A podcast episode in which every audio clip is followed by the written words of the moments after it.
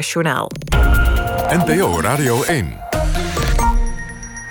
VPRO. Nooit meer slapen.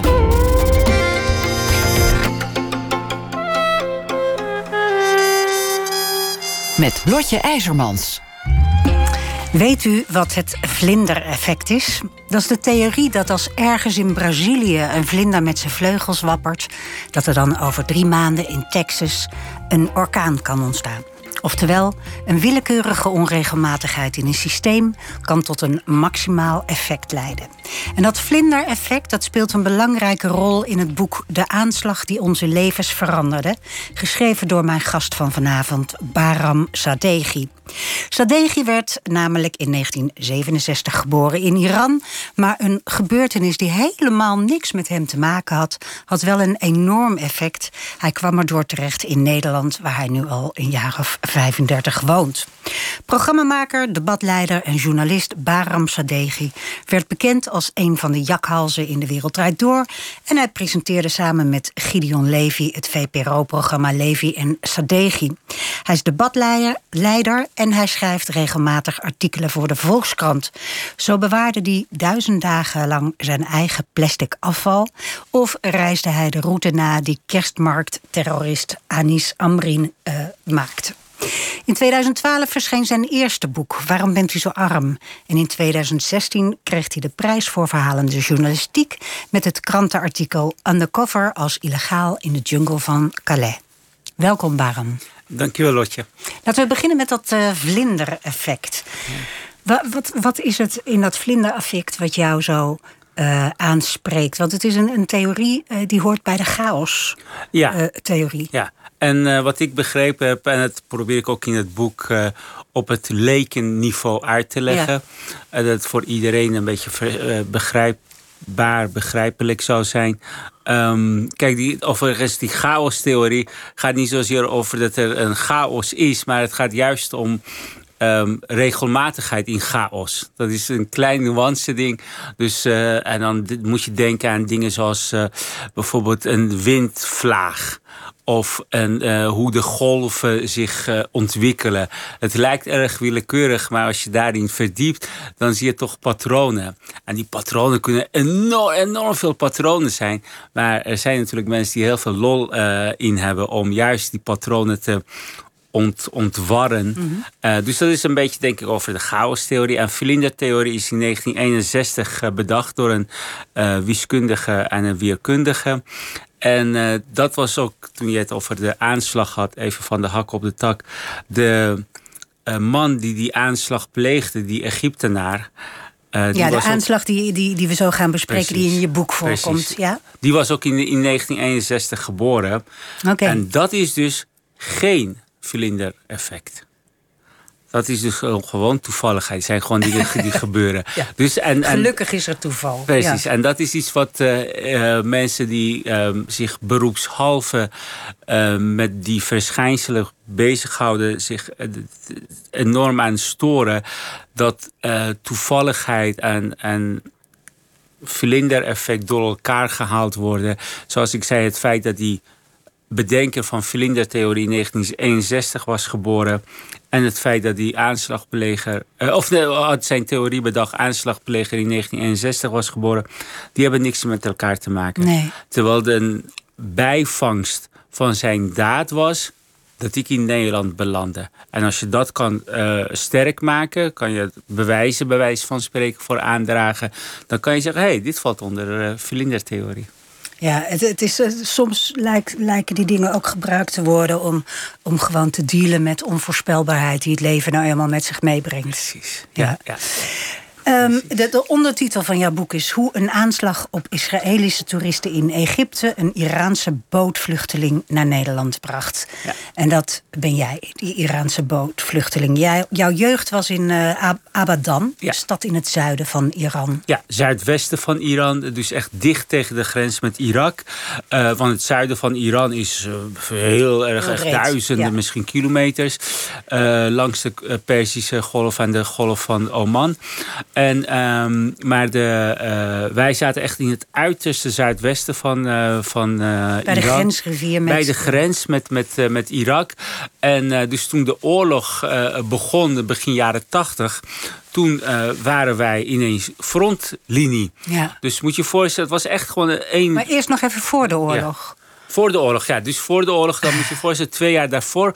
als je, als je nog een grote gebeurtenis waar de hele wereld nog steeds mee te maken heeft... namelijk de Iraanse revolutie. Islamitische, in, uh, revolutie. Islamitische revolutie in 1979. Dat waren hoe beetje... oud was jij toen? Ik was tijdens de revolutie was ik elf. En hoe waren die eerste elf jaar? Voor Uh, al die grote gebeurtenissen Ja, in kijk, leven? eerste elf jaar, als je het een beetje langs die grote gebeurtenissen uh, legt, wat ik me vooral bijgebleven is uh, wereldkampioenschap in 1978, Argentinië. Nou, de gemiddelde Was je een voetbaljongetje? Wie niet, hè? Nou, Al, ik alle, niet. Nee, nee, nee, nee. nee. Alle, alle, alle jongens ongeveer, er is, er is vast misschien een half procent van de jongens die uh, dat geen voetbaljongen is in die landen. Maar uh, nee, iedereen was voor voetbal. En uh, kijk, het wereldkampioenschap in Argentinië hebben Nederlanders om heel andere redenen onthouden. Ja, vanwege de boycott. Of... Vanwege boycott. En Nederland ja. werd voor de tweede keer achter elkaar vice-wereldkampioen. En weer tegen het gastland. Dus echt al die dingen kwamen bij elkaar. En naar junta, uh, weet het, uh, regime gaan in, in uh, Argentinië. Bloed aan de palen. En Freek en um, Bram. Bram. Dank u beleefd, ja. Dus dat is de herinnering van Nederlanders. Maar nu komt het, wat sommige Nederlanders vergeten zijn. In de poolfase, ja, je raadt het al, hè, moest Nederland tegen drie andere ploegen spelen. Ja. Te weten, Schotland, Peru en Iran. Iran. Ja. En? Dus, uh, nou ja, het feit dat Iraans elftal... Ik geloof, misschien kunnen we het uh, tussendoor even googlen... ik geloof 33 minuten volhield. Dat was een prestatie van formaat tegen de, de, de, de, de oranje, weet je, de orange machinery, weet je wel. 33 minuten hebben ze het nul gehouden. Tegen Nederland, tegen totaal voetbal. Weet je. En na die 33 scoorde Nederland? Ja, ja helaas wel. Okay. Ja, ja, ja, Dus dat, dat, dat, dat, het werd uiteindelijk 3-0, maar geen schande, weet je. Om van de vice-wereldkampioen, die aan het eind ook dat, bij die uh, editie ook weer tweede werd om met 3-0 te verliezen. Nee. Maar dat, dat waren het soort dingen waar jij je mee bezig hield als, als kind? Ja, gewoon voetballen, voetballen televisie. Dus al die series, weet je, die ook later bleek, ook in de hele wereld keek, weet je, mensen naar de man van 6 miljoen. De man van 6 miljoen, geweldig. Je kijkt ernaar. Hoe kan dat nou? Hij was namelijk voor de, het was een oorlogsveteraan. En ze hadden experimenten op hem gedaan. Dus de helft van zijn lichaam, of sommige delen. Ik wou zeggen onderdelen. Waren bionisch. Bionisch. Ja. Dus hij had eerst de, uh, de man van 6 miljoen. En ik kan me echt herinneren. Het is echt. Um, I bullshit you not. Ik kan me echt herinneren gewoon het t-shirt dat hij kreeg met zijn beeltenis. En dan rent hij in het midden. Is hij echt in die typische overdreven uh, houding van rennen. Dus de ene arm omhoog en de andere naar beneden. Hij is aan het rennen.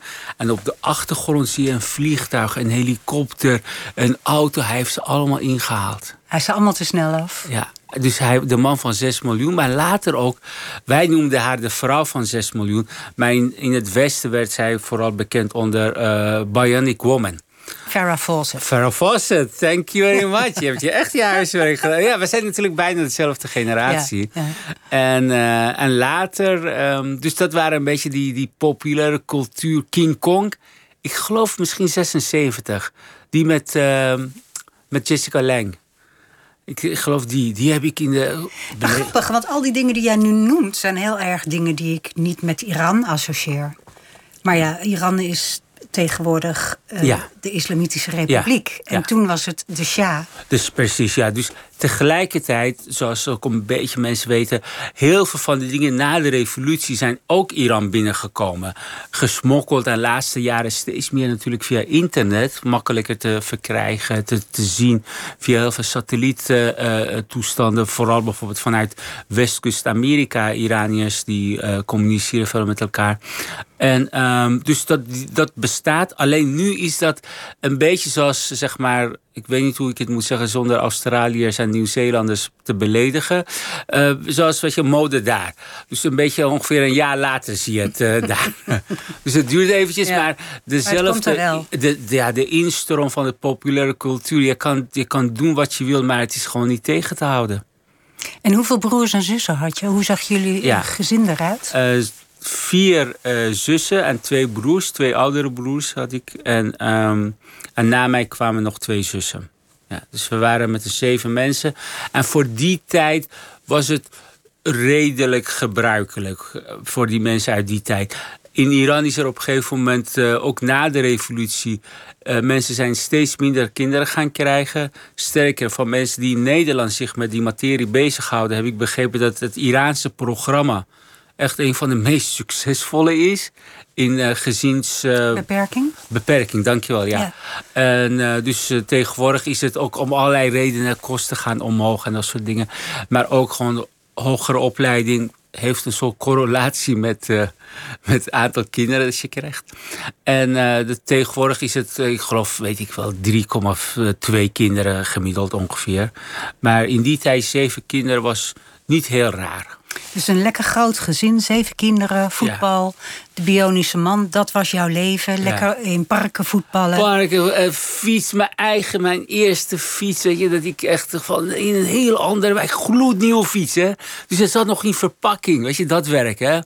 Dus eh, was heel, het zo'n chopperfiets? later werd het inderdaad chopper. In het begin had ik een gewone fiets, maar later werd het zo- zoals ze noemen, eh, banana, banana seat. En, eh, en die zie je in heel veel Amerikaanse films uit die tijd, eind jaren 70. Ja, met, ja. eh, een beetje strandachtig fiets en een chopperfiets. Dus dat zie je heel veel terug. Iran was heel erg gericht vooral op Amerika.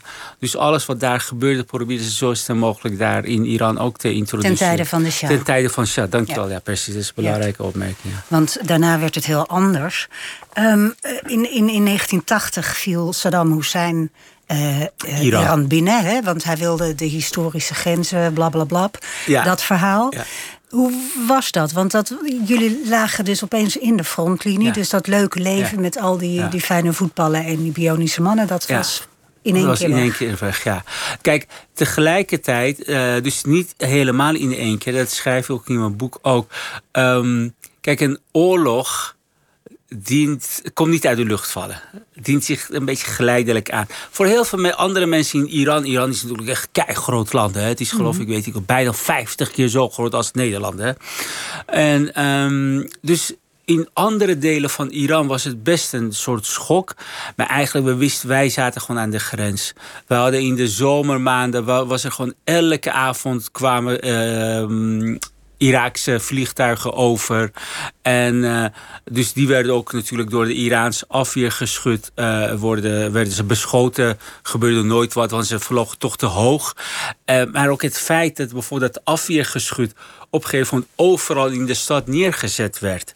Dat was ook iets wat je gewoon zag. Je zag de stad veranderen zo langzamerhand.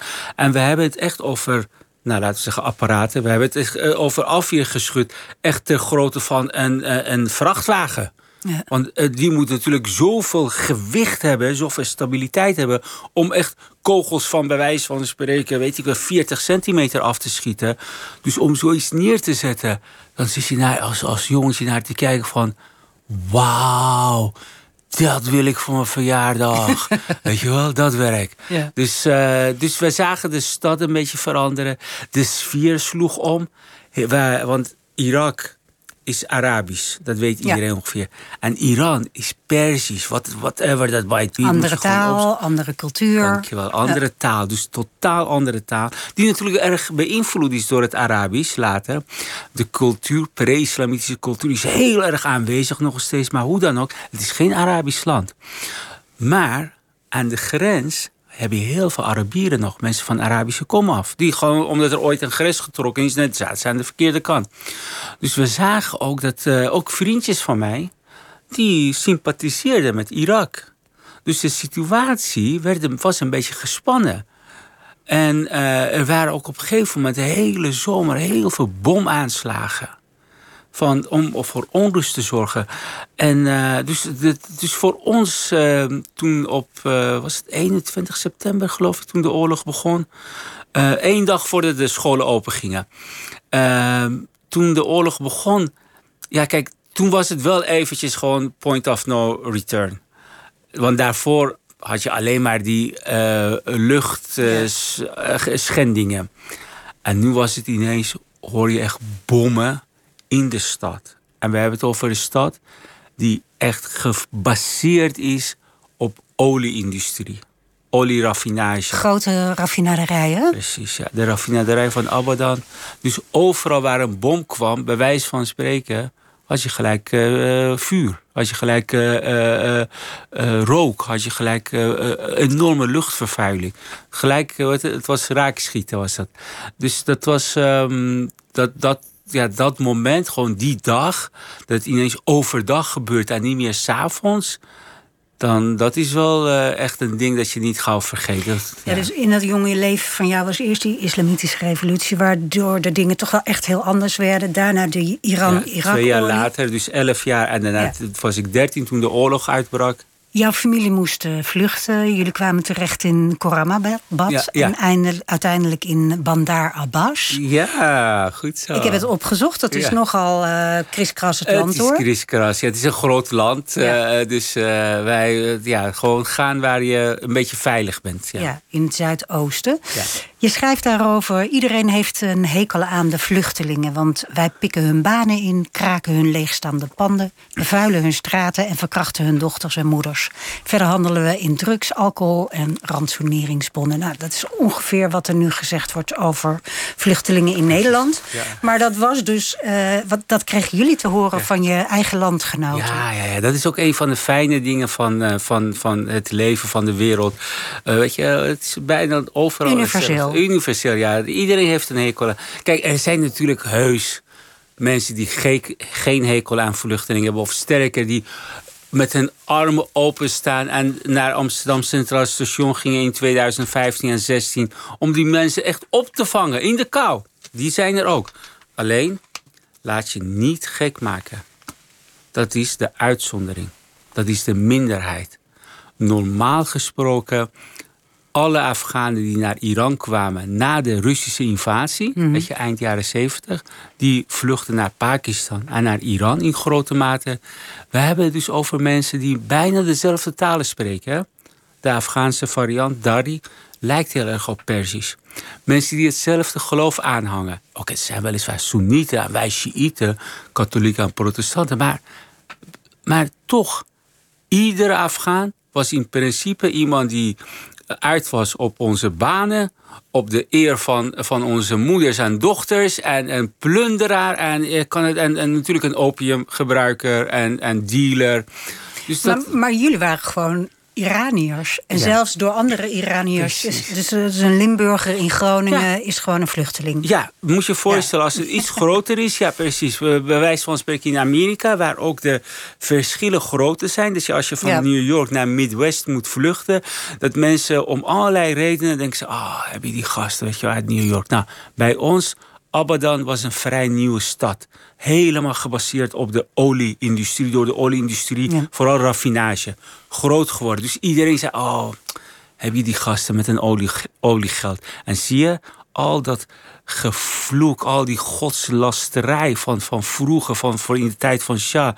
Die uh, prostitutie, drank en, en bowlingbanen. Een van de eerste steden weet je, waar we bowlingbanen hadden. Alles wat God had verboden hadden we daar.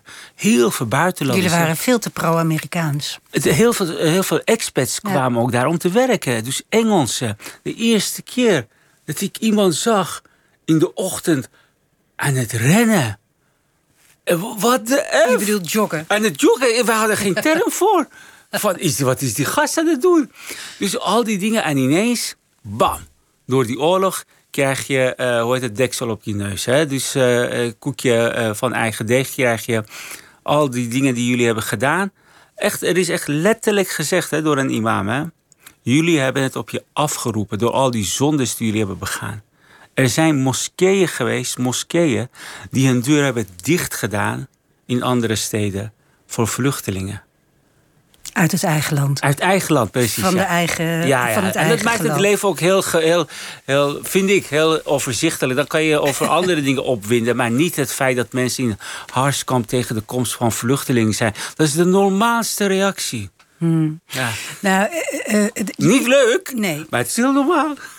Jij leefde daar uh, in, in die nieuwe stad. In, ik moet hem weer opzoeken. Want ik, in Bandar Abbas? Uh, ja. ja, Bandar ja. Abbas. Bandar, ja, de havenstad. En dat was een grote havenstad. Ja. En jij was 15. En je sprak een klein beetje Engels. Hè, van die bionische man natuurlijk. Ja. Dus je kreeg een baantje in de haven. Wat deed je? Ja, ik was, uh, om het plat te zeggen, ik was controleur. Dus ik had een administratief baantje op de schepen die aankwamen van, buiten, uh, van buitenland.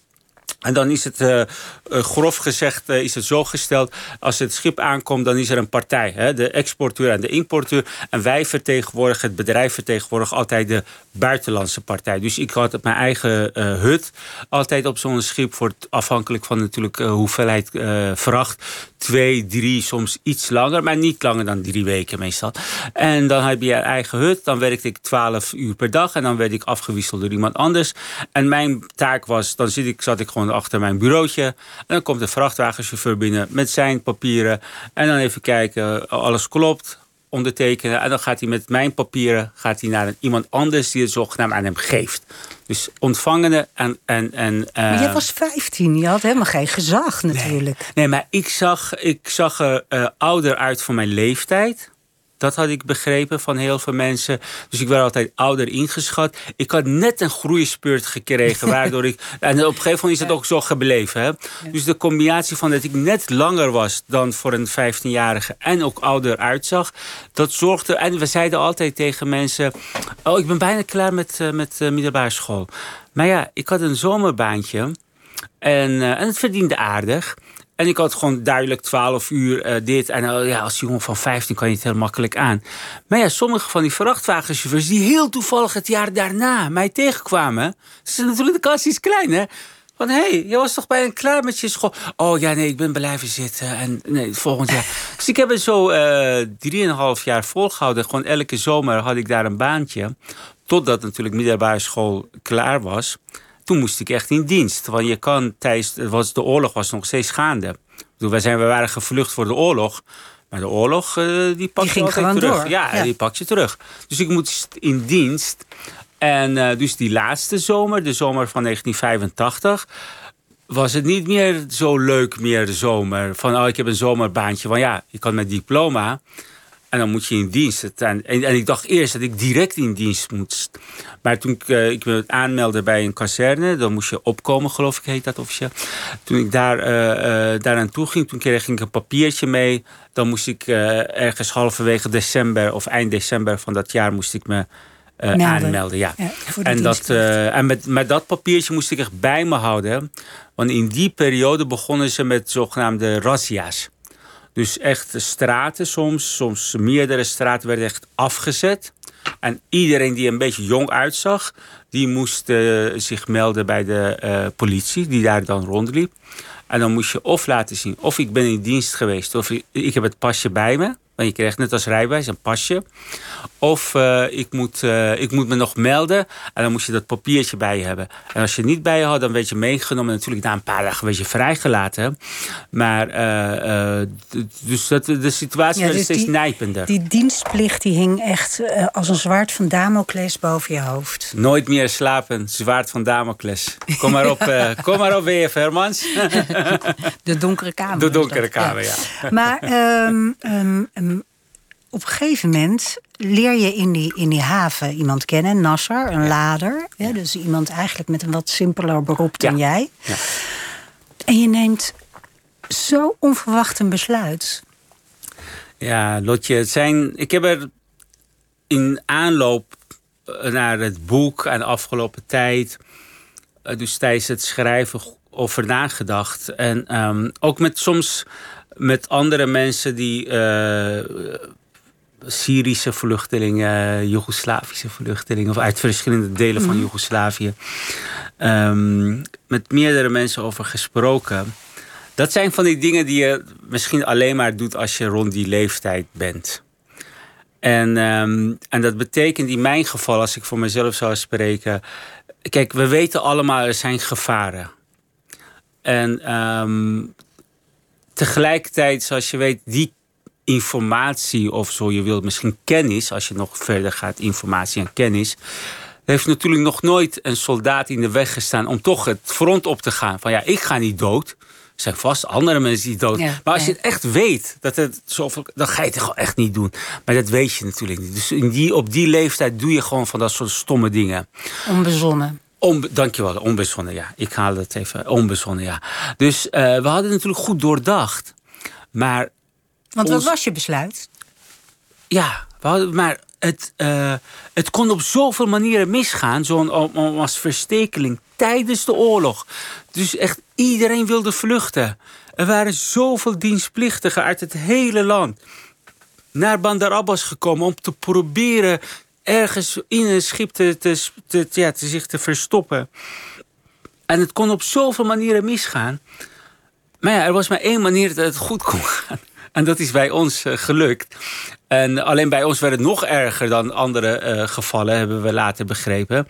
Um, maar ja, dat zijn van die dingen die je op die leeftijd doet. Want je ging met drie anderen als verstekeling aan boord ja. bij een Filipijns schip. Ja. Het Filipijns schip waarop ik zelf aan het werk was. Dus ik was daar, ik denk, misschien drie weken aan het werk als controleur, als administratief medewerker. En met dat schip, dat ik een beetje goed kende, durf ik te zeggen met dat schip, met via op dat schip, zijn we met z'n vier als verstekeling uh, uh, weggekomen. je hebt uh, in het boek. Um, nee, laat ik het zo zeggen. Je, je komt dan na een, een, vier dagen, vijf dagen zijn de koekjes die jullie verstopt hebben, zijn op. Ja. En je gaat je melden bij de Filipijnse ja. bemanning. Ja. Je krijgt klappen. Ja. en de eerste haven waar jullie komen, um, denk je van nou, ik wil hier wel uh, asiel aanvragen. En dan komen we bij het vlindereffect. Ja. Want dat is in Egypte. Ja. Uh, jullie varen door het Suezkanaal. Precies. En je wil daar asiel aan, aanvragen. En het ziet er allemaal goed uit. Ja. Totdat. Ja, want eh, kijk, eigenlijk, we hadden de, dus twee kleine opmerkingen. We hadden geen idee waar het schip naartoe uh, voer. Want dat vertelden ze nooit in Iran. Uh, want als je zegt we gaan naar Europa, dan is de kans nog groter dat mensen proberen te, te, te vluchten. Dan als je zegt, oh we gaan even naar, uh, ik zeg maar, naar Dubai om uh, um, tax-free uh, bijvoorbeeld proviant in te slaan. Dat gebeurde ook wel eens, hè? Uh, of we gaan naar Zuid-Afrika, weet je. Nou, nou, dus dat vertelde. Dus wij wilden gewoon weg. Dus toen het schip door het. Uh, maar ja, wij werden op een gegeven moment dus opgesloten. Ja, toen, toen we ons ontdekt hadden. Want de kapitein die was echt woest. Want hij zei: niemand zal geloven dat het vier Iraniërs gelukt is om met al die controles te vluchten zonder hulp van binnenuit. Dus zonder ons, zonder bemanning of officieren. Dat was ook een soort handeltje. Dus als je pak een beetje een paar duizend dollar betaalde, zeker aan officieren, ja, die konden ze wel meenemen. Lagere bemanning iets minder misschien, die vroegen minder geld. Maar hij zei dat gelooft niemand. En hij zei, dan heb ik een probleem. Want ik heb een contract met de Iraanse overheid. Door jullie toedoen, kan ik fluiten straks naar mijn contract. Dus jullie worden opgesloten. Twee bij twee in een hut. En we gaan naar buitenland. Halen vracht op. We gaan terug naar Iran. En ik ga jullie overdragen. Nou, toen we dat hoorden, toen het tot ons doordrong. In wat voor echt penibele situatie wij verkeerden. Dus paniek. Van hoe kan dat nou? Wij zijn gevlucht. Wij zijn nu ja. op de open zee. Maar het vooruitzicht. Dat was gewoon geen spul tussen te krijgen. We gaan naar buitenland. Je wordt opgesloten in een hut. Met een piepklein, hoe heet het, uh, patrijsport. En dan terug. Dus toen wij in Egypte, uh, door Egypte voeren. De autoriteiten komen aan boord, want je bent door Egypte, dus iedereen wordt gecontroleerd, uh, dus wij ook. We zeiden: help ons alsjeblieft. Wij willen, zij willen ons terugbrengen naar Iran. En we willen niet deelnemen aan de oorlog. We zijn dienstplichtig. En ze zeiden eerst inderdaad: het ziet er goed uit. Want wij hebben toevallig ook een hekel aan de Iraanse overheid. Dus als je voor hen vlucht, dan zit je bij ons goed. En het kwam allemaal door de verhouding uh, Iran-Palestijnse gebieden en Egypte en Palestijnse gebieden. Iran vond het natuurlijk verschrikkelijk dat Sadat. Uh, een toenmalige president van Egypte had een, akkoord gesloten met uh, Israël. Israël, met Begin en met uh, Carter. Met Carter, precies. De Camp David-akkoorden. En dat vonden de Ayatollahs na de revolutie verschrikkelijk. Dus die twee landen stonden echt tegenover elkaar met het beleid. En dus wij dachten, help ons, weet je, zitten we hier goed? Zeiden ja. Maar een dag later, toen ze de verhalen hadden gehoord, dus we werden allemaal geïnterviewd. Ik kreeg ook een tolk, gewoon een Arabier die eh, Perzische sprak. Echt, zal ik echt, echt wauw, weet je, gewoon een Arabier die in Egypte, een rossige Arabier was het ook. Dat zie je ook niet zo vaak. Wist ik veel dat het gewoon bestaat. En um, dus die man die, uh, die uh, vertaalde het allemaal. En die, maar die tweede dag zei hij, normaal gesproken zouden jullie hier mogen blijven. Alleen, nu komt het. Er is twee maanden geleden ongeveer, op 5 oktober 1985, is er een aanslag geweest. Een Egyptische, uh, laten we gemakshalve zeggen, een soldaat. Hij was een dienstplichtige agent, geloof ik, officieel. Een Egyptische soldaat heeft zeven Israëli's die hier op vakantie waren. In de Sinaï heeft hij doodgeschoten. De situatie is nu zeer gespannen. Niet alleen in Egypte, maar eigenlijk in de hele Arabische en Islamitische wereld. Want dat is helaas zo. Mensen vonden het fantastisch wat die man had gedaan. De regeringen niet, maar mensen, volk, iedereen vond het fantastisch. En nu ineens vier jonge Iraniërs die op een wonderbaarlijke wijze. Uh, waar ze zijn erin geslaagd om te vluchten en door Egypte varend. En dan zeggen ze: mogen we hier blijven? Ze vertrouwen jullie niet. Spionnen, dacht Spionnen, ja. Dat jullie voor meer onrust willen zorgen hier. En we kennen eigenlijk de variatie op dit verhaal kennen we nu ook. Weet je, bij ons ook. Met vluchtelingenmassa's. Uh, uh, weet je, van zitten geen IS-mensen tussen misschien? Tuurlijk. Nou, precies. Dat kan gebeuren. Komt in de beste families voor. en um, dus daarom zei ze: nee, normaal gesproken zou je hier mogen blijven. Want als je voor de Iraniërs vlucht, dan zit je bij ons goed. Maar nu toevallig niet vanwege die aanslag. En wat moet je zeggen? Wat heb ik te maken met een Egyptische soldaat die op Israëlische schiet? Sterker, ik heb een pokkenhekel aan de Israëli's. In die tijd was ik vrij uh, antisemitisch, anti-Israël. Uh, het was allemaal hetzelfde trouwens ook in die tijd. En men zei nee, nee, geen gedoe, gewoon doorvaren.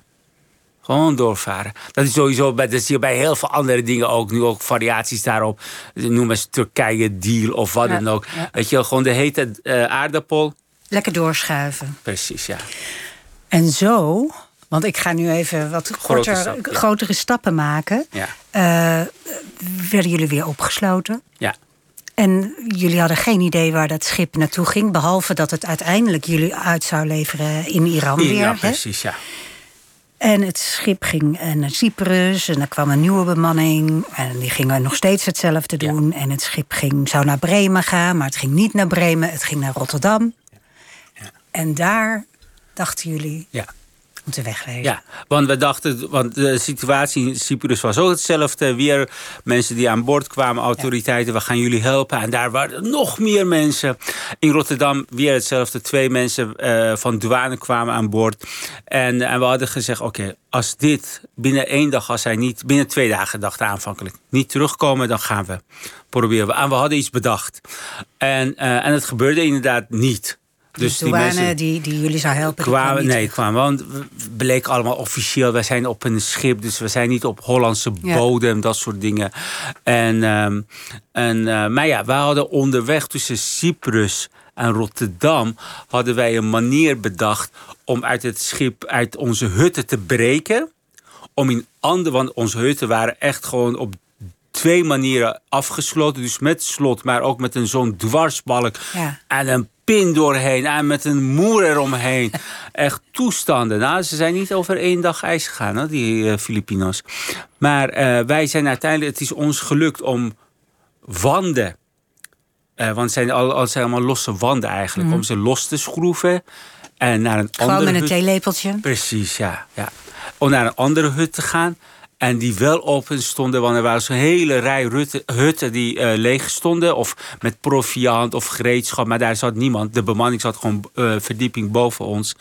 En toen wij in die andere hut waren, ja, dat was een kwestie van de trap oplopen. En dan probeer je jezelf zo klein mogelijk te maken. En over een hek klimmen. Een hek uh, waarin een, een soort lantaarnpaal was. Waar je overheen, kon klimmen. Dus echt gewoon een soort ladder was het bijna. Een soort, ja, ongelooflijk. Wie, wie verzin dat? Dus, um, oké, het liep een beetje anders. Maar uiteindelijk is het ons gelukt om uit onze hutten te breken. De kade op te gaan. Over het hek te klimmen. En uh, toen zijn we met, uh, ik denk 20, misschien 22 dollar hadden we, uh, zijn we naar politie met een taxi naar het politiebureau gegaan.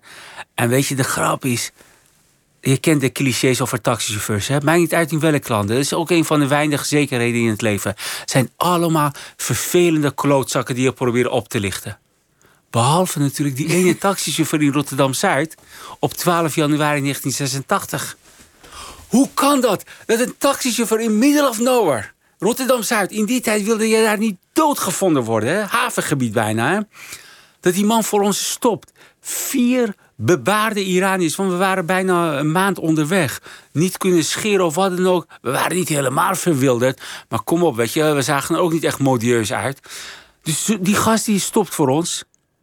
En wij zeggen in, een beetje in het Engels opgewonden, weet je, adrenaline hier geld naar het politiebureau. Hij hoort een beetje ons verhaal aan. Hij snapt het. Dus en dan, hij zet ons niet bij een politiebureau af. Weet je, hij stapt uit, gaat naar het, uh, het intercom, belt aan. Hij vertelt het verhaal in zijn woorden. Hoe is het mogelijk van al die klootzakken... dat wij net die ene engel van een taxichauffeur te pakken hadden?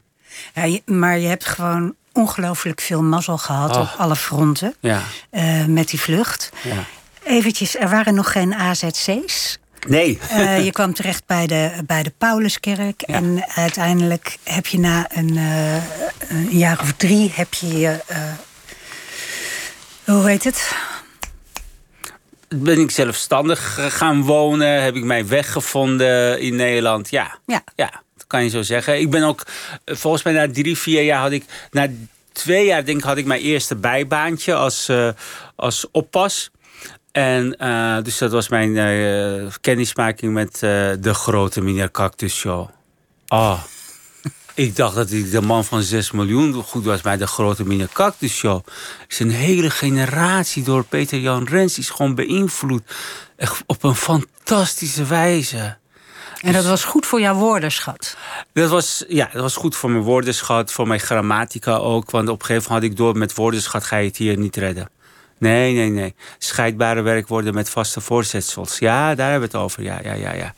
Dus, ja. Dat moest je allemaal doen. Dat moest ik allemaal. Oh, wat een ellende, man. Dat uh, is echt niet te doen. Ik zeg nog eventjes. Ik, ja. uh, ik praat met Baram Sadeghi. Hij schreef uh, een boek over de aanslag die onze levens veranderde. Zo heet het boek. En dat is eigenlijk het relaas van zijn vlucht. Maar ook, hè, dat hebben we nu net gehoord... maar ook is het eigenlijk een, een heel nauwkeurige reconstructie van die aanslag... die voorkwam dat jij in Egypte asiel, asiel kreeg... en dat je Nederlander werd. En uh, we hebben net al eventjes die aanslag een beetje geschetst. Hè, die Camp David-akkoorden. Ja. Ja. Um, er was, uh, ja, het was in uh, Ras Bourka. Uh, de man heette Suleiman Kater. En hij schoot zeven Israëlische toeristen dood. Het was een beetje een bedreiging voor die vredesakkoorden... in, in de ogen van Egypte. Ja. Iran en Libië die zeiden... nee, dit is juist een held. we drukken hem op postzegels en we noemen straten naar hem. En uiteindelijk is, is de dader is, heeft zelfmoord gepleegd, hè? Ja, dat is de officiële lezing. Dus de aanslag was in oktober 85. En hij is in de nacht van uh, waarschijnlijk 7 januari 86. Hij was al veroordeeld. Hij zat in de gevangenis, maar hij en zijn advocaten waren ervan overtuigd... het komt allemaal goed. Weet je, het is een vergissing. Ik bedoel, hoe kan je nou iemand weet je, in de gevangenis gooien... voor de doden van Israëli's? De vijand, die, ja. de vijand die ja. ook notabene probeert daar te bespioneren. Want het waren helemaal geen toeristen. Het waren spionnen en er waren geen vier kinderen. Het waren eigenlijk volwassenen die een beetje klein waren van gestalte. En uh, dus, uh, maar ja, hij werd dus op 7 januari, uh, 7 op 8 januari, hebben ze zijn lichaam gevonden. En wij zijn ongeveer vijf dagen later in Rotterdam aangekomen. Het loopt heel parallel, hè? Heel parallel. En voor mijn boek dacht ik... kijk, als die aanslag zo'n grote impact op mijn leven gehad... een toevallige passant, kan je zeggen? Passant, ja. Mhm. Wat zou de uh, impact van die aanslag op de twee andere kanten van de driehoek zijn geweest? Namelijk de kant van de Israëlische slachtoffers. slachtoffers en overlevenden en familie. En de kant van de schutter. En toen ik dat doorhad, dacht ik: oké, dit wordt mijn boek. Dat wordt mijn vertelling, wordt mijn narratief. Die drie verhalen door elkaar snijden. Mijn verhaal met het verhaal van de slachtoffers en met het verhaal van de dader. En dat, uh, dat heb ik op een gegeven moment dus proberen. Uh, en gelukkig een aantal van de slag, mensen die een aantal mensen dat erbij was, dus toenmalige kinderen. Dus een jongetje van toen 12, nou is nu 35 jaar later. dus een meisje dat was toen Tally, zij was toen vijf jaar en tien maanden oud. haar moeder, is echt, ik word nog steeds geëmotioneerd als ik het vertel. Haar moeder heeft zich echt over haar heen geworpen. Heeft de kogels opgevangen die haar zouden doden. En Tally werd ook later een beetje op, ja, bekend. Omdat toen iedereen wegrende aan mensen die daar dood lagen. Zij was de enige overlevende die daar toen bleef. Onder het lichaam van haar moeder. Zij heeft misschien meer dan een uur onder haar gezeten.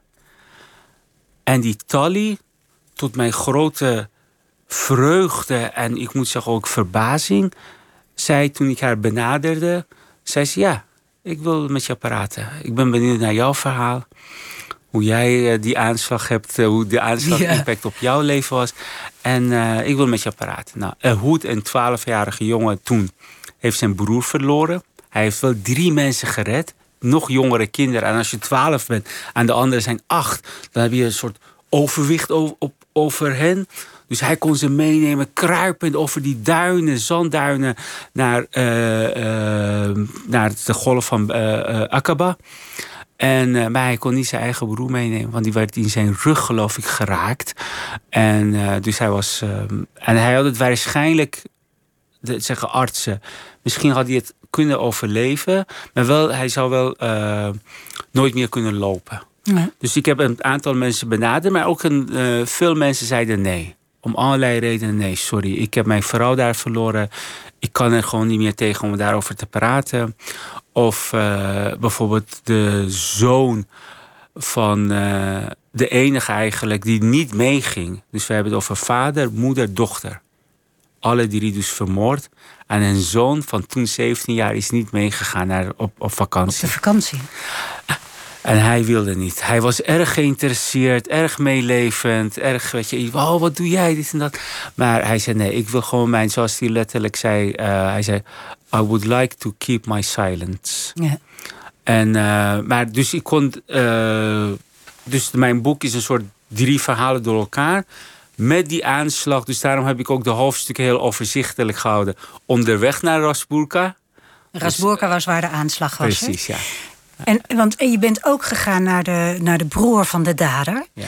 Uh, de reden dat die dader geschoten, geschoten heeft, blijft eigenlijk vrij vaag. Hè? Je hebt gelijk, ja. Ja, Toch? blijft vaag, ja. Dat... ja.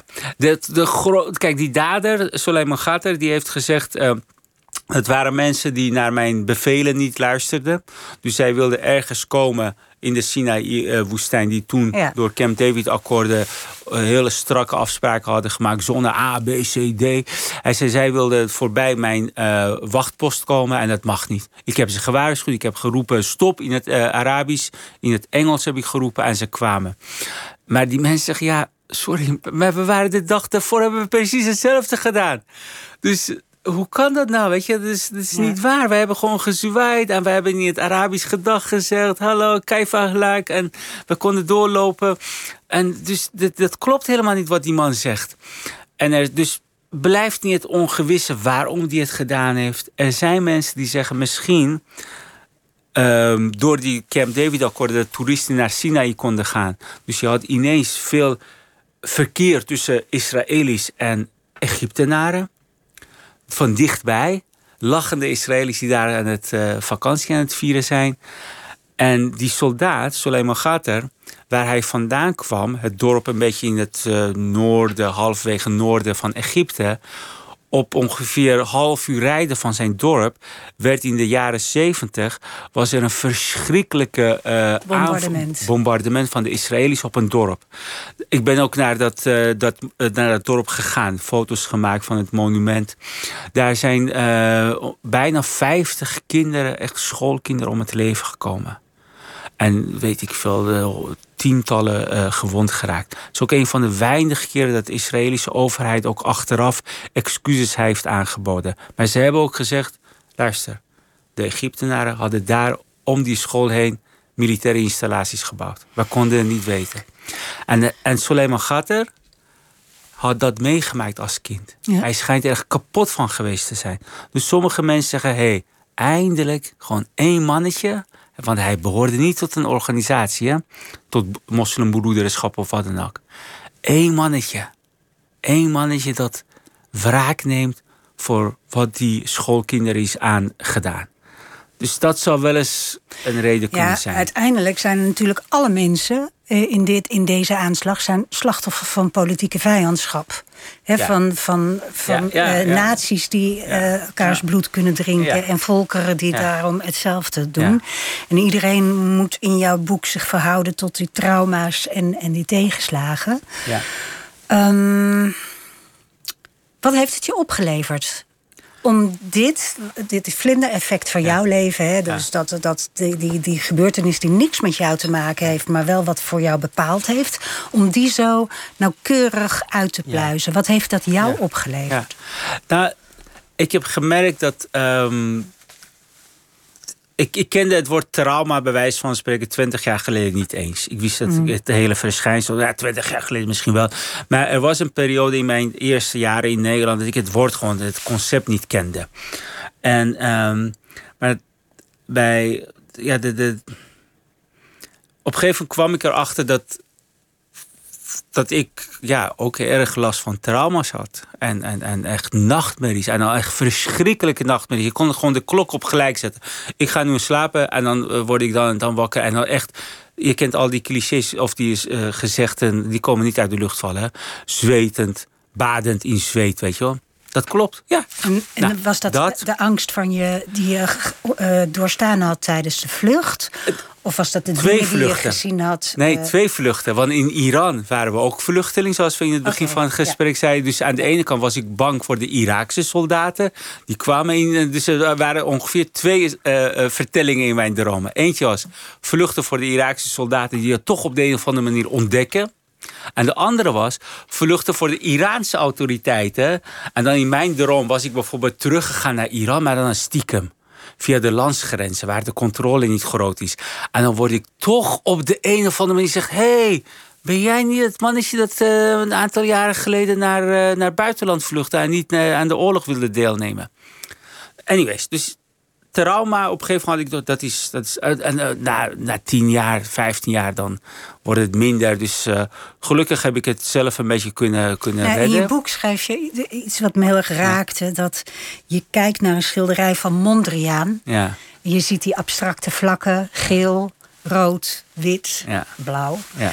En je bent in één keer terug op de begrafenis van, van je neef. Die in Tijdens de oorlog, ja. Precies. Van... Die in een wit uh, lijkgewaakt gewikkeld was. Waar bloed doorheen kwam. Ja. Dat was het rood. Ja, ja, ja. ja. Het en het geel is natuurlijk de aarde. Ja. Daar, ja, ja. Dus dat is echt, echt, heel bizar. Dat sommige dingen in één keer terug kunnen werpen in, in een situatie en in een tijd.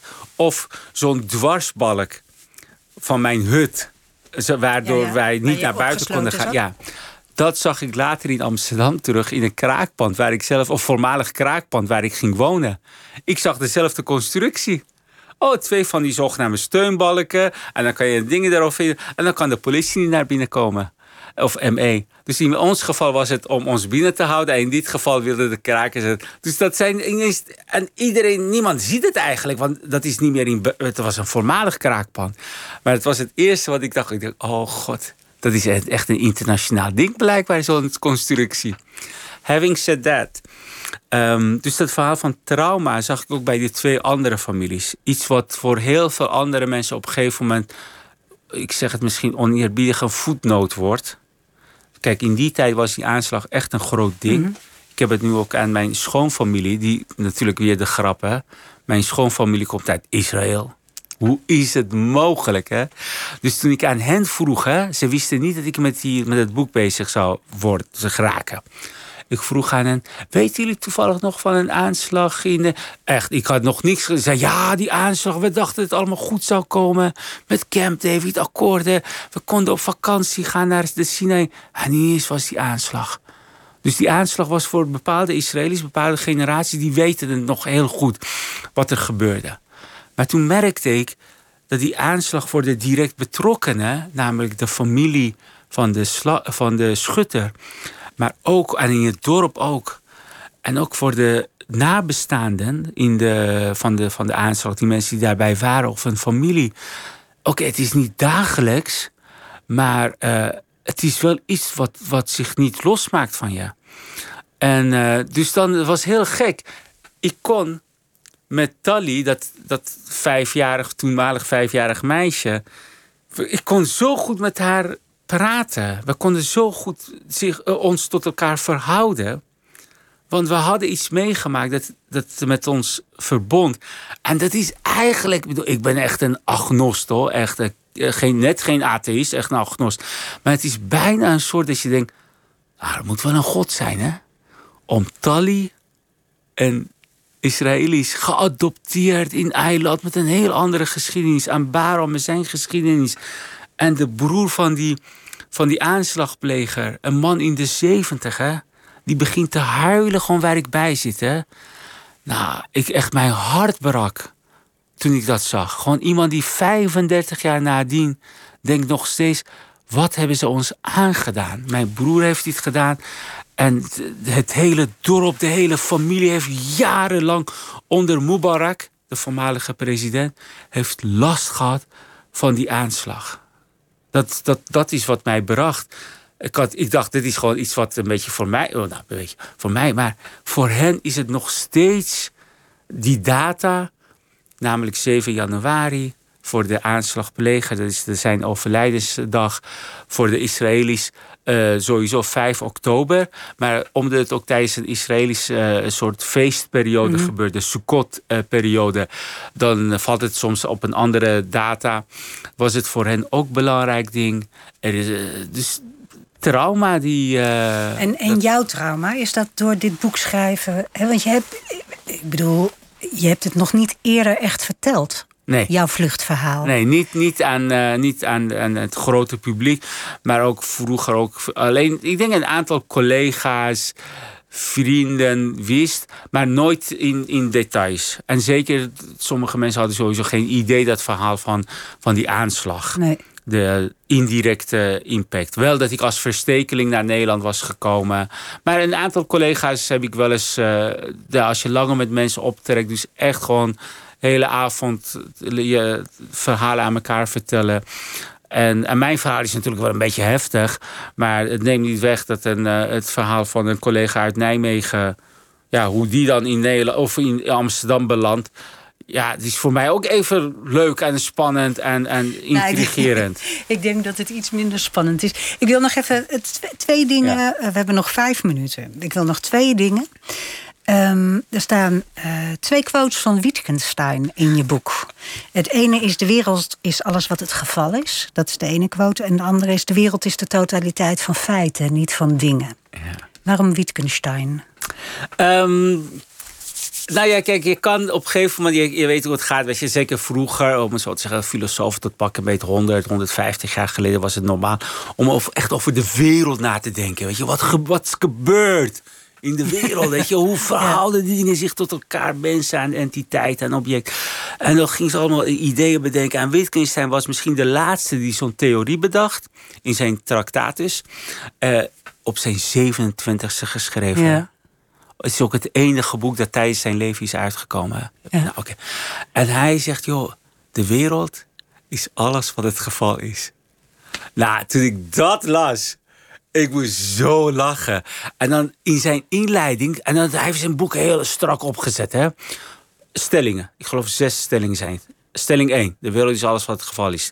Stelling 1.1. De wereld is, al, is de totaliteit van de feiten en niet van de dingen. Zo bouwt hij het op. En de laatste is: alles waar je niet over kan praten, moet je over zwijgen. Dus hij brengt tot de kern. Hij zegt: joh, ik hoef ook geen bibliografie aan te dragen. Want alles wat ik zeg, dat weten jullie allemaal. Alleen de mensen die wel eens soortgelijke dingen hebben meegemaakt, die zullen het snappen. En ik denk: hoe kan dat nou? Zo'n filosoof uit Oostenrijk, uit die periode, Eerste Wereldoorlog, dat. En ik, ik lees dit. En ik denk, ja, Ludwig, je hebt zo gelijk. De wereld, de wereld is alles wat het geval is. Zo simpel is dat. We gaan niet moeilijk doen. Weet je hoe de wereld zich tot elkaar verhoudt? En, en, en um, hoe heet dat? Um, de grap uh, uh, van, of nou, niet, niet zozeer de uh, grap van Wittgenstein is, um, dat het mij ja, op de een of andere manier, weet je, kalmeert ook. Geruststelt. Geruststelt, ja, dankjewel. Ja, geruststelt. Dan, dan zie ik, oh ja, weet je, ik kan me daarover... Ik heb echt andere dingen aan. En de wereld is gewoon alles wat het geval is. Wittgenstein heeft ook, uh, uh, hij was filosoof natuurlijk, hij heeft uh, zichzelf na een aantal jaren verbeterd. Ja. Gezegd: nee, ik heb dat fout ja. gezien, dat was Wittgenstein 1. Ik ben nu Wittgenstein 2 en ik kijk er nu net iets anders naar. Ja. Ben jij ook Sadegi 2? Uh, nee. Nee, nee. Ik heb, en zoals je weet, wat Wittgenstein heeft meegemaakt, dat is echt uitzonderlijk. Er zijn echt, er wordt gezegd, er is misschien geen enkele filosoof die zichzelf, die later een andere theorie heeft aangehangen. Dat maakt hem helemaal natuurlijk absurd. Een bizarre man, hè? Uh, nee, ik ben, ik ben echt, echt, jawel, ik ben ontzettend veranderd. Zeker je bent als je, toch, je bent eigenlijk opnieuw geboren in Rotterdam. Ja, ja. En in de, in de loop der tijd, als je, als je het echt over absolutistische dingen waar je gewoon één mening kan over hebben. Voor de doodstraf, ik zeg maar wat. Hè.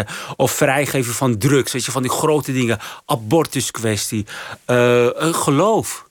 Weet je, de plek die geloof in je leven inneemt. Op heel veel van die dingen ben ik uh, veranderd. Ja. Heel veel durf ik te zeggen. Het is heel simpel. Als je 35 jaar terugkijkt, denk je: wauw, wie is die gast? Weet je wel? En je, ja, nee, we hebben geen tijd meer. Nee. Maar nog 15 seconden. Je, je ouders, je familie, heb je nooit meer gezien? Nee, nee, heel kort. Mijn broer heb ik wel eens twee keer gezien. Zeeman. In Rotterdam toevallig, toevallig beland. Maar we zijn uit elkaar gegroeid. Heel simpel, we zijn uit elkaar gegroeid. Omdat uh, Baram Sadeghi 2 heeft eigenlijk niks meer met de familie van één. Ja, mooi, mooi uh, samengevat. Wel heel treurig ook. Ja, ja, maar dat is het, de wereld is alles wat het geval is. daar sluiten we mee af. Ja. Dankjewel, Baram Sadeghi. Ja. Het was een mooi verhaal. Het staat allemaal in het boek De aanslag die onze levens veranderde. En het verscheen bij Atlas Contact. Dankjewel, Baram. En uh, heel veel succes met alles wat je nog gaat doen. Maandag is Pieter er weer. Hij spreekt dan met bioloog Midas Dekkers. Straks op deze zender podcastgids Vink... met Vincent Bijlo, Milou Brandt en Stan Putman.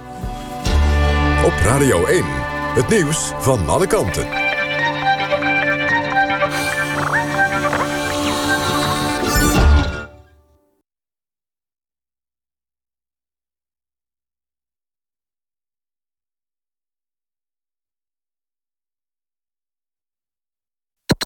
NPO Radio 1